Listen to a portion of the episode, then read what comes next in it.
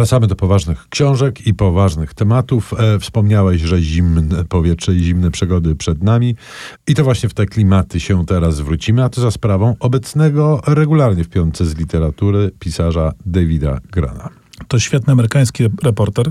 Dwie jego wcześniejsze książki recenzowaliśmy entuzjastycznie, a teraz ukazała się trzecia, Biała Ciemność w przekładzie Dominiki Cieśli-Szymańskiej. I to jest opowieść, której punktem wyjścia jest znana historia z 1914 roku. Przypadek wyprawy Shackletona, który jak wiemy y, poradził sobie w bardzo trudnych warunkach na Antarktydzie, ocalił członków swojej y, załogi. Jednym z y, członków tej załogi był dziadek niejakiego Henry'ego Worsleya i tenże Henry Worsley jest głównym bohaterem Białej Ciemności człowiekiem, który postanawia zmierzyć się z Antarktydą, który decyduje się podjąć najpierw pierwszą, a potem drugą wyprawę i ta druga wyprawa jest no, osią tej, tej historii. On zamierza przejść tak na, po, skosie całą Antarktydę, samotnie, bez y, żadnego towarzystwa.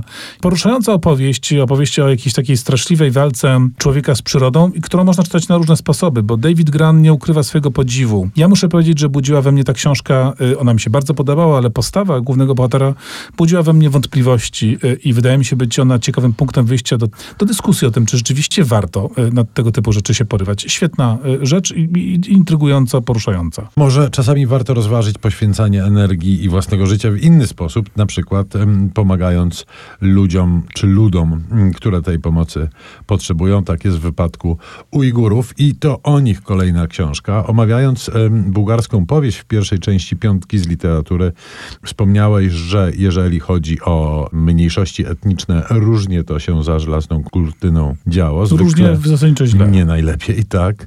Mm, tu mamy historię dużo, dużo, dużo bardziej złożoną niż tylko mm, kwestię konfliktu ujgursko-chińskiego. David Brothy mm, napisał gigantyczną książkę, którą przełożyła na polski Anna Dorota e, Kamińska, która to książka no, jest jakimś kamieniem milowym pewnie, albo stanie się, bo to stosunkowo świeża pozycja turkologii na świecie w ogóle, bo opowiada historię ludów mieszkających na pograniczu chińsko-rosyjskim, ludów tureckich, które się zmagały a to z jednym, a to z drugim imperium i na początku XX wieku musiały się zacząć opowiadać a to po jednej, a to po drugiej e, stronie i jednocześnie w ramach tych tarć oglądamy za sprawą Brofiego coś fascynującego, mianowicie proces narodowo-twórczy. Ten projekt, jak wiemy, e, niestety jeszcze nie doczekał się swojego pomyślnego e, finału i trzeba będzie przez najbliższe dekady, obawiam się, pilnie obserwować, co się tam dzieje. No a na koniec książka, która jest mm, promowana i pokazywana jako książka bardzo poruszająca, to może zawsze budzić niepokój, kiedy dużo mówi się o emocjach. I niepokój pod... albo zdziwienie, bo mnie zdziwiła ta książka w twoich rękach, muszę przyznać, bo to nie twój styl delikatny. Tak by się wydawało, natomiast rzeczywiście rzecz jest absolutnie znakomita. Y, mówię o Wrócę przed nocą Jerzego Szperkowicza.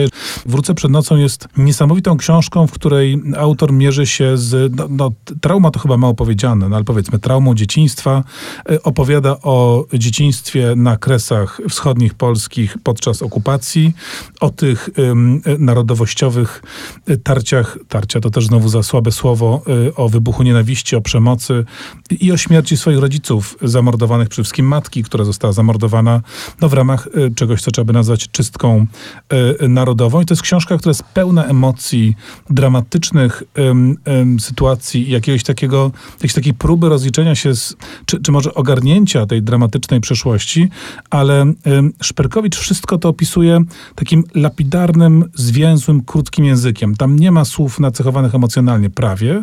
To wszystko jest powściągliwe. Czasami niektóre zdania trzeba przeczytać po dwa razy, żeby zrozumieć, co tam się kryje i czasami kryje się w nich naprawdę potworna y, y, dawka emocji i, i, odkrycia.